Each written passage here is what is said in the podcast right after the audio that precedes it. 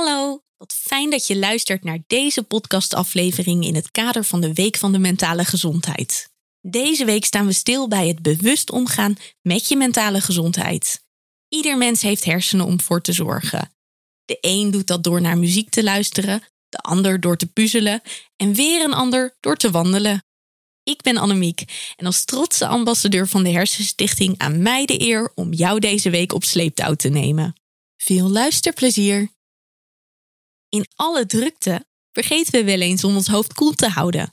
We maken soms te weinig tijd voor rust, beweging en ontspanning.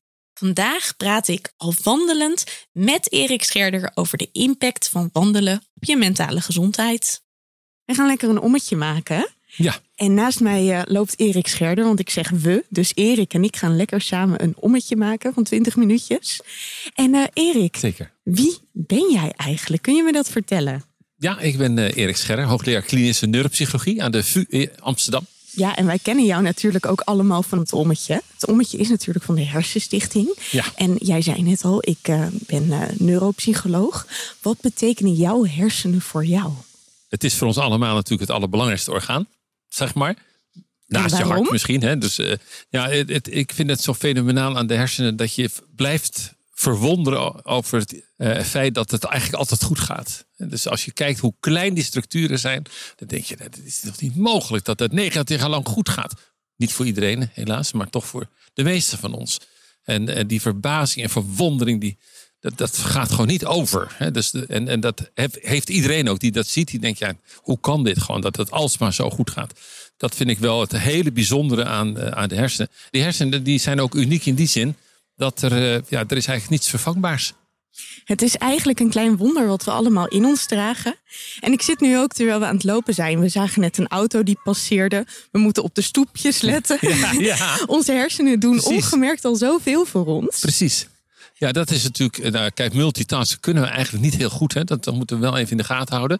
De hersenen doen het liefst na elkaar de taken. Dus dit is al heel mooi dat we dit zo doen. Maar wat ik wel ook wel een interessant punt vind, is dat bijvoorbeeld.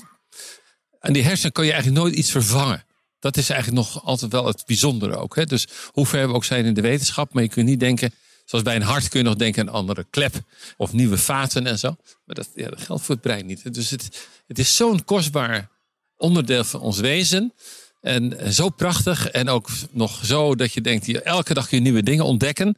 Inderdaad, wat jij zegt. Hè? Dus uh, we lopen gewoon, maar, maar eigenlijk realiseren we ons wel wat we zo doen. Ja. Dat bedoel, het feit dat je hier gewoon de stoep afstapt, opstapt dat merk je pas bij mensen die, die een schade oplopen, hoe klein soms ook, hoe wat voor rijkdom het is dat je zomaar kunt lopen. Ja. Die denken, daar zou ik alles voor over hebben om nog zo'n stukje te, met jou samen te kunnen lopen. Ja. Nou, het is natuurlijk heel bijzonder om samen met jou een stukje te lopen. Begrijpt ik bedoel. en andersom natuurlijk ook. Wij gaan het vandaag over mentale gezondheid hebben. Want dat staat ook in relatie tot dat ommetje wat we nu aan het maken zijn. Ja. Kun je daar iets meer over vertellen? Ja, het is zo dat... Uh, als je kijkt naar uh, studies die gaan bijvoorbeeld over mensen met een depressie. Uh, dan zijn er, is er echt wel heel veel evidentie voor, bewijs voor. Dat als je een actieve leefstijl hebt. Bijvoorbeeld inderdaad gaat hardlopen. Maar hardlopen hoeft nog niet eens. Als je gaat brisk walken, doorlopen echt. Dat je daarmee een aantal van die neuronale netwerken. Dus die, die netwerken in je hersenen activeert. Waardoor je weer wat meer controle krijgt over je stemming. Ja. En uh, nou, nog niet zo'n hele oude studie laat eigenlijk al zien dat bijvoorbeeld 45 minuten lopen, 45 minuten, drie tot vijf keer per week, het meest ideale is om een positief effect weer te krijgen, bijvoorbeeld op depressiviteit. Wij gaan vandaag 20 minuten lopen. Wat doet dat met je? Uh, het is een beetje de, de, de, het minimum wel, daar moet ik er eerlijk bij zeggen. Anders zou ik geweld doen aan datgene wat ik lees. Maar uh, het begint ongeveer wel bij die 20 minuten. Als je dus uh, kijkt naar de effecten op gewoon een goed gevoel, je emotieregulatie, het reguleren van emoties, zoals wij dat noemen. Dat je denkt, nou, ik zit goed in mijn vel. Ik voel me oké, okay, ik heb er zin in. Even los dus van iemand die echt een depressie heeft. Want dat kun je niet allemaal op één hoop gooien, dat snap je wel. Maar dat je gewoon zegt, ik, ik zorg ervoor dat ik in een, in een goede bui ben dan is 20 minuten dit soort dingen is al echt uh, waardevol. Ja, ik ben natuurlijk ambassadeur van de Hersenstichting en ik heb last van depressies. En ik had vandaag toen ik opstond, had ik een enorme vermoeidheid. Soms mm -hmm. heb ik dat. Dan eh, kom ik eigenlijk mijn bed niet uit. Ik heb vandaag 12 uur geslapen. Oh ja. Dus dat is een beetje gek dat je dan nog moe bent, zou je denken. Maar ja, dat komt natuurlijk voor. Wij zijn hier nu aan het lopen en van tevoren dacht ik wel, oeh, dat wordt voor mij best wel pittig. Want en we gaan lopen, dat is iets wat mijn lichaam nu niet aangeeft om te gaan doen. Nee. Mijn lichaam denkt eigenlijk ga lekker slapen. En tegelijkertijd moet ik natuurlijk ook nadenken. Waarom is het goed dat we dit nu toch aan het doen zijn? Ja, wat je doet is dat je eigenlijk dat doet wat, wat je lichaam het liefst niet nu zou doen. Dus je verzet je er tegen. En je kunt zeggen dat juist die moeite die je dus nu doet, ja, dat is wat de literatuur aangeeft. Dat is eigenlijk wat we allemaal zouden moeten doen. We kunnen zo het park ingaan. Vind je dat leuk? Laten we dat doen, ja. En ehm, jij bepaalt, hè? Jij bepaalt. En jij kent het hier. Goeie kans dat ze nooit meer thuis komen. nu. Ja, Maar natuur schijnt ook goed voor je te zijn, toch? Ja, ja, ja, dus we gaan er nog Dus de- eventjes een schepje bovenop Ik, doen. ik moet je zeggen, in de natuur lopen. Daar zeggen wel weer studies over dat dat een gunstig effect heeft op tobben en piekeren. En dat komt ook weer omdat je daarmee, kijk, die natuur is een optimale vorm van verrijking. He, want je ziet het groen nu. Je ziet Ja. die prachtige bloemen. We lopen straks op wat oneffen paden. De wind waait door onze haar. Het is anders. En juist die verrijking zorgt ervoor dat je je schors activeert. En de functie van die schors is filteren, is controle krijgen. Dus wat je nu doet voor jezelf, heel knap, hè, dat je dus eigenlijk zegt van nou, ik had vanmorgen juist de behoefte om, om nog door te slapen. En, maar ja, nu loop ik toch hier en moet ik nog en opletten op het verhaal. En nee, ik moet opletten waar we lopen en, en, enzovoort de goede vragen stellen. Dus in feite daag je nu maximaal uit. Dus dat hele, zeg maar, die netwerken die ook belangrijk zijn voor de controle op je stemming, die heb je nu wel geactiveerd. Ja, dat klinkt dan heel positief, hè? Ja. Maar tegelijkertijd vind ik het altijd wel spannend. Want dan denk ik, maar ga ik mijn grenzen dan niet over? Ja, dat zou je dus eh, na afloop moeten beantwoorden. Of je straks denkt thuis, kan zijn dat je dan extra moe bent. Want vergis je niet, die inspanning. En zeker omdat je dus ook eh, worstelt met die stemmingsstoornissen. Vragen veel energie. Je brein vraagt al 25% van de energie, normaal gesproken. Dus in jouw situatie kun je je voorstellen, ik weet niet precies uiteraard, dat dat meer is dan 25%. Vandaar die vermoeidheid. Vandaag wel, denk ik. Ja. Ja. En als je dan nu nog een keer je zo inspant voor dit, dan zal je die vermoeidheid misschien straks nog dubbel kunnen voelen. De vraag is of je toch niet dan daarnaast zou kunnen denken, het is me toch gelukt. Ja, het is een beetje een strikvraag. Hè? Want ik heb gisteren hard gelopen bijvoorbeeld. Ah, ja. Dat doe ik ook veel. En ik ben van jou heel benieuwd wat nou het verschil is voor je hersenen tussen wandelen en sporten. Maar bijvoorbeeld gisteren was ik ook best wel moe. En toen ging ik hardlopen. En daarna had ik toch die endorfine die je dan voelt. Ja. Waardoor je weer wat ruimte hebt om andere dingen te gaan doen. Oh, mooi. Dat komt echt overeen met, eh, met de studies. Vandaag hadden we nog een verhaal bij een webinar. En dat ging over als je de hele dag zit, hè? Zullen we hier het park in gaan? Ja, leuk. Gaan we als echt je, het als je de hele dag zit, dan gaat je stofwisseling, natuurlijk denk je na, hè, maar je stofwisseling neemt ook af. Want je doet niet zoveel fysiek gezien. En als je de hele dag zit en aan het eind van de dag kun je echt een gevoel hebben dus van, gat jongen, ik heb echt nergens zin meer in. Want zin hebben in is een hersenfunctie. Zo gauw je dan iemand zegt, eh, ga je nog mee wat spinnen even of hardlopen? Nee jongen, nou, gat, nee.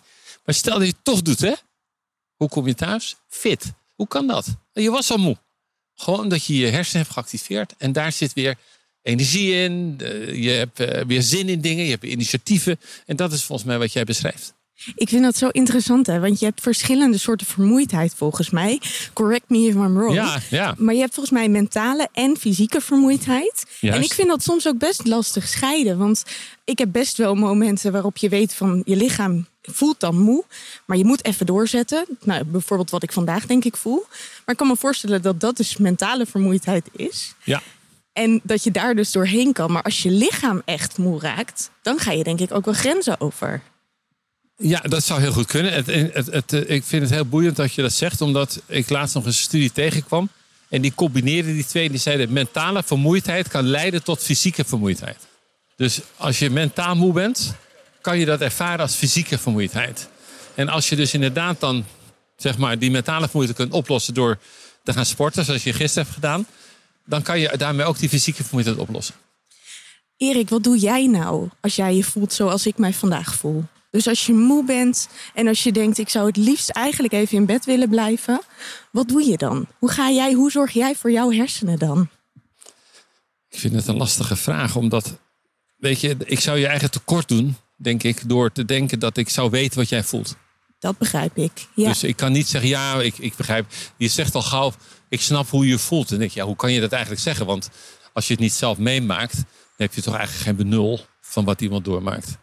Dus ik, ik zou je echt tekort doen door te denken, nou, als ik me zo zou voelen als jij, ik heb geen idee. Ik denk dat het echt een, een burden is voor iemand dat je, dat je het idee wil eigenlijk in mijn bed blijven liggen. Ik kan er niet meer uitkomen. Wat ga ik doen? Toch toezetten. Ik denk dat het een ontzettende struggle is. Maar hoe kan ik het? Ik zou me er echt niet iets bij kunnen voorstellen. Mooi dat je dat zegt. Ja, ik vraag het voornamelijk vanuit het feit dat iedereen dus wel mentale en fysieke vermoeidheid heeft. Maar je hebt wel echt gelijk. Bij mij kan dat wel een stukje intenser zijn dan de meeste mensen. Ja. En tegelijkertijd vind ik het ook weer heel interessant, want ik heb natuurlijk ook geen ander referentiekader. Nee. Ik denk altijd, ja, er zullen wel meer mensen zijn die zich af en toe zo moe voelen als ik. Ja, maar je hebt last van die, van die depressieve gevoelens, toch? Ja. Zei je. Nou, nu niet. Nee. Ik ben niet. Ik heb tenminste, want dat is ook een heel interessant gesprek. Ik heb op het moment niet dat ik heel erg negatieve gedachten heb. Mhm. Maar ik heb op het moment wel, en dat is eigenlijk iets wat ik sinds mijn eerste depressie heb, dat vermoeidheid heel erg aanwezig is. En dat is soms staat dat bijna los van mijn negatieve gedachten. Ja, ja, ja. ja. Dat is het. echt iets wat soms denk ik, is dat dan de antidepressiva die dat doet? Dat, dat weet je ook eigenlijk niet. Nee, hè? dat weet je eigenlijk niet. En ik, ik probeer me dan in te denken hoe moeilijk het moet zijn, zo moet ik het zeggen, om er dan toch wat aan te doen. Ja. Dat als je het gevoel hebt van laat maar, dat je en, en oh nee, en niks. Hè, dan hoop je eigenlijk dat of een externe factor is die zegt kom op, we gaan toch wat doen. Maar er zijn natuurlijk heel veel mensen die dat niet hebben. En dan, dan, dat lijkt me echt een groot lijden. Ja, nou, ik denk altijd. Ik heb het idee dat in vergelijking met een heleboel anderen. ik heel erg bewust ben voor het zorgen van mijn hersenen. Omdat als ik dat niet doe, dan heeft dat vrij grote gevolgen. Ja, Maar ik denk ook dat iedereen voor zijn hersenen moet zorgen.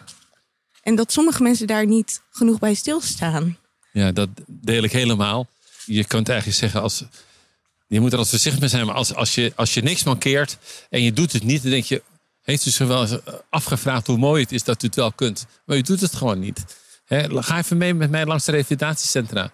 Dan ziet u mensen die alles ervoor over zouden hebben om dat te kunnen wat u doet. Of zou kunnen doen, maar u doet het niet. Dus eh, ja, maar ja, goed, dat is, zoals het is. Wat ik nog wilde zeggen was ook dat we natuurlijk moeten, altijd moeten oppassen, en doe ik ook. Dat je niet denkt, ach ja, dat bewegen dat is een soort oplossing voor alles. Zo is het dus niet. Dus bij, bijvoorbeeld bij een depressie kun je niet denken, ja, u moet ook gaan bewegen. Ja, dat slaat natuurlijk nergens op. Het gaat erom dat je zegt, als iemand een depressie heeft, een stemmingstoornis heeft of angstig is, wat anders, dan kun je kijken, is er sprake van een goede begeleiding? Is er medicatie? En kan je in combinatie daarmee ook een actieve leefstijl pakken? Dan zie je literatuur die zegt dat helpt. Ik zou nooit degene zijn die zal roepen, ja, nou ja, goed, ja, als je ook niet beweegt, ja, dan weet je wel zoiets. Dat is echt eh, gewoon helemaal niet mijn idee. Dat is echt een goed punt. Want als ik bijvoorbeeld kijk naar mijn eigen reis die ik daarin heb gemaakt, is Ja. dat. Daar is het ooit wel begonnen hoor. Dat ehm, hulpverleners tegen mij zeiden van je moet dit, je moet dat, je moet zus, je moet zo. Nou ja, dat is natuurlijk, dat werkt voor geen meter. Want ja, zolang dat gevoel aan de oppervlakte is en dat is zo ontzettend allesomvattend, kun je wel van alles bedenken. Maar ja, ga daar maar eens aan. Ja, precies. Dan is bijvoorbeeld hardlopen of wandelen is veel te veel. Veel te veel. Maar toen ik op een gegeven moment na een jaar of vijf andere hulp kreeg en toch ook aan de antidepressiva ben gegaan, zoals ik net aangaf, toen werd het wat makkelijker om bepaalde stapjes te zetten. Ja, ja. En toen heb ik dus ook een soort van ja, een mentaal gezondheidsplan gevolgd. En dat sluit een beetje aan op wat ik net tegen jou zei: van iedereen moet voor de hersenen zorgen. Daar hadden we een soort van thema's die we bespraken. ja. En eentje daarvan was rust en eentje was daarvan beweging. En toen ik dat volgde, dacht ik, het is zo logisch. Maar je staat er soms zo weinig bij stil. En ik merk wel dat dat voor mij wel een soort van basis is die heel fijn is. Naast natuurlijk die pillen. ja.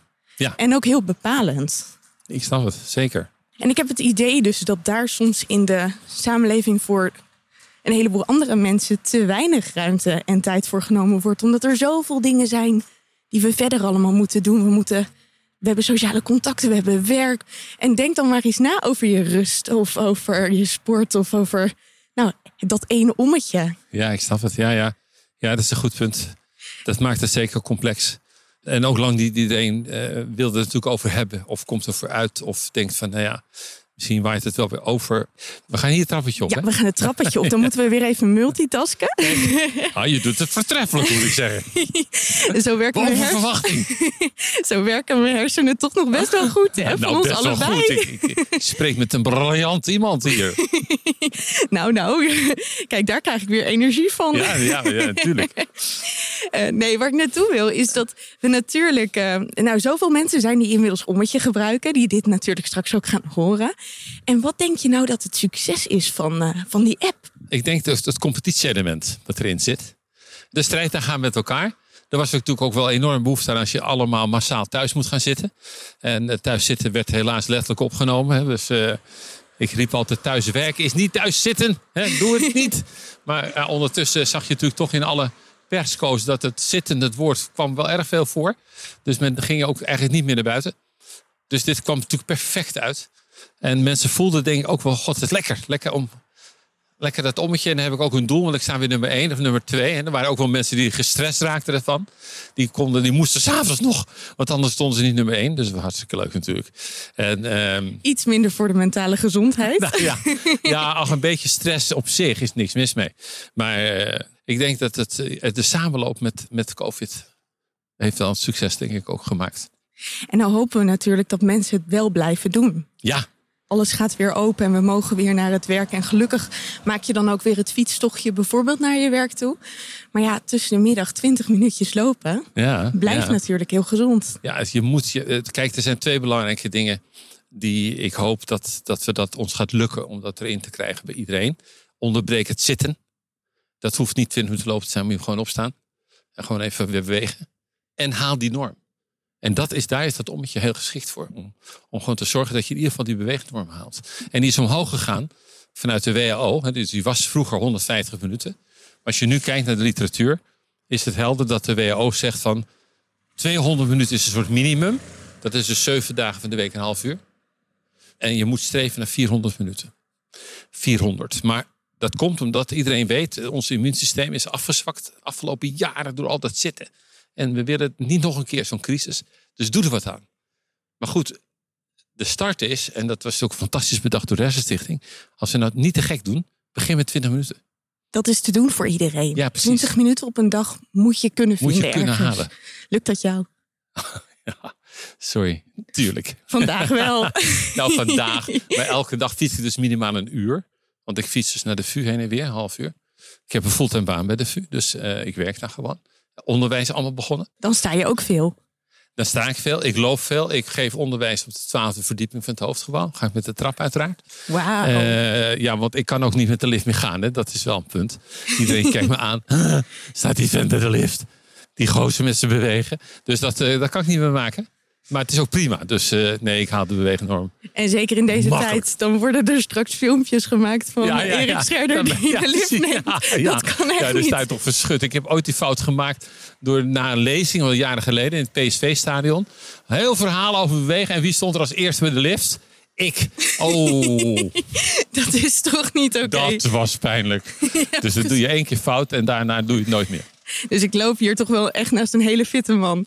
Zeker. We zijn er alweer bijna. Ons ommetje is bijna om. Ja. Als het over mentale gezondheid gaat, en ik weet daar zelf inmiddels natuurlijk ook wel van alles vanaf. Dan weet ik ook dat als het bijvoorbeeld gaat over stappentellers of regels als 20 minuten, dat dat ook iets dwangmatigs kan hebben. Ja. Hoe moet je daar nou mee omgaan? Als je voelt van, oh, ik ga er nu iets te dwangmatig mee om. Want dat is heel dubbel, hè? Aan de ene kant is het heel Maar ik, ben, ik ben zelf super dwangmatig. Dus ik denk, Oh. nou ja. Dus dit is een goede vraag nou, voor jou. ja, precies. Kijk, je hebt wel een soort druk nodig ergens, een beetje om het te doen. Hè? Je hoopt natuurlijk dat het een soort interne drive wordt. Hè? Dat iemand gewoon gemotiveerd is om het te doen. Ik merk zelf ook dat ik gewoon denk, nee, ook al is het nog een, een dag met slecht weer, ik ga toch fietsen nu. Dat, is, dat is, zit iets dwangmatigs in. Maar ja, omdat ik ook denk, ik zie die studies. Je kan niet denken, ik heb ze niet gelezen. Als je die gezien hebt, kan je ze niet meer ontkennen. Nee. nee. Dus dan zie je het, denk je, ja. En ik heb in mijn leven zo gedacht. Maar dat is niet ieders gedachte hoor, zeg ik er meteen bij. Ik doe het maximum. Gaat het toch fout? Kan ik niet denken? Ik heb helemaal niks gedaan. Ik heb het geweten, waarom heb je het niet gedaan? Dus, en dat is ook dwangmatig. Maar ja, dat is wel zo. Choose your battles. Ja, toch? Ja, helemaal. helemaal. Oké, wat zou jij willen zeggen tegen de mensen die eigenlijk nu met ons samen dit ommetje hebben gelopen? Nou ja, dat ik het heel fantastisch vind dat ze meegelopen hebben. En dat ik hoop dat ze, dat ze zelf ook merken hoe fijn het is. Voor hun stemming, in dit geval. Heel belangrijk. En dat ik natuurlijk helemaal hoop dat ze er gewoon nooit meer mee ophouden. Niet om mij, niet om jou, maar gewoon vanwege hun eigen gezondheid. Dat hoop ik. Hele mooie woorden. Tot morgen zou ik willen zeggen tegen leuk. alle ja, ommetjeslopers. ja, ja, ik zie je wel weer. Hè? Ja, Dankjewel ja, Erik. jij ook bedankt. En, en succes met alles. Dankjewel. Bedankt voor het luisteren naar deze podcast in het kader van de Week van de Mentale Gezondheid. De Hersenstichting investeert in hersenonderzoek, geeft voorlichting en zet zich in voor betere patiëntenzorg, revalidatie en participatie. Jij kunt ons hierbij helpen door te doneren. Vond je de aflevering interessant of herkenbaar? Laat het ons weten via social media met de hashtag Hersenstichting.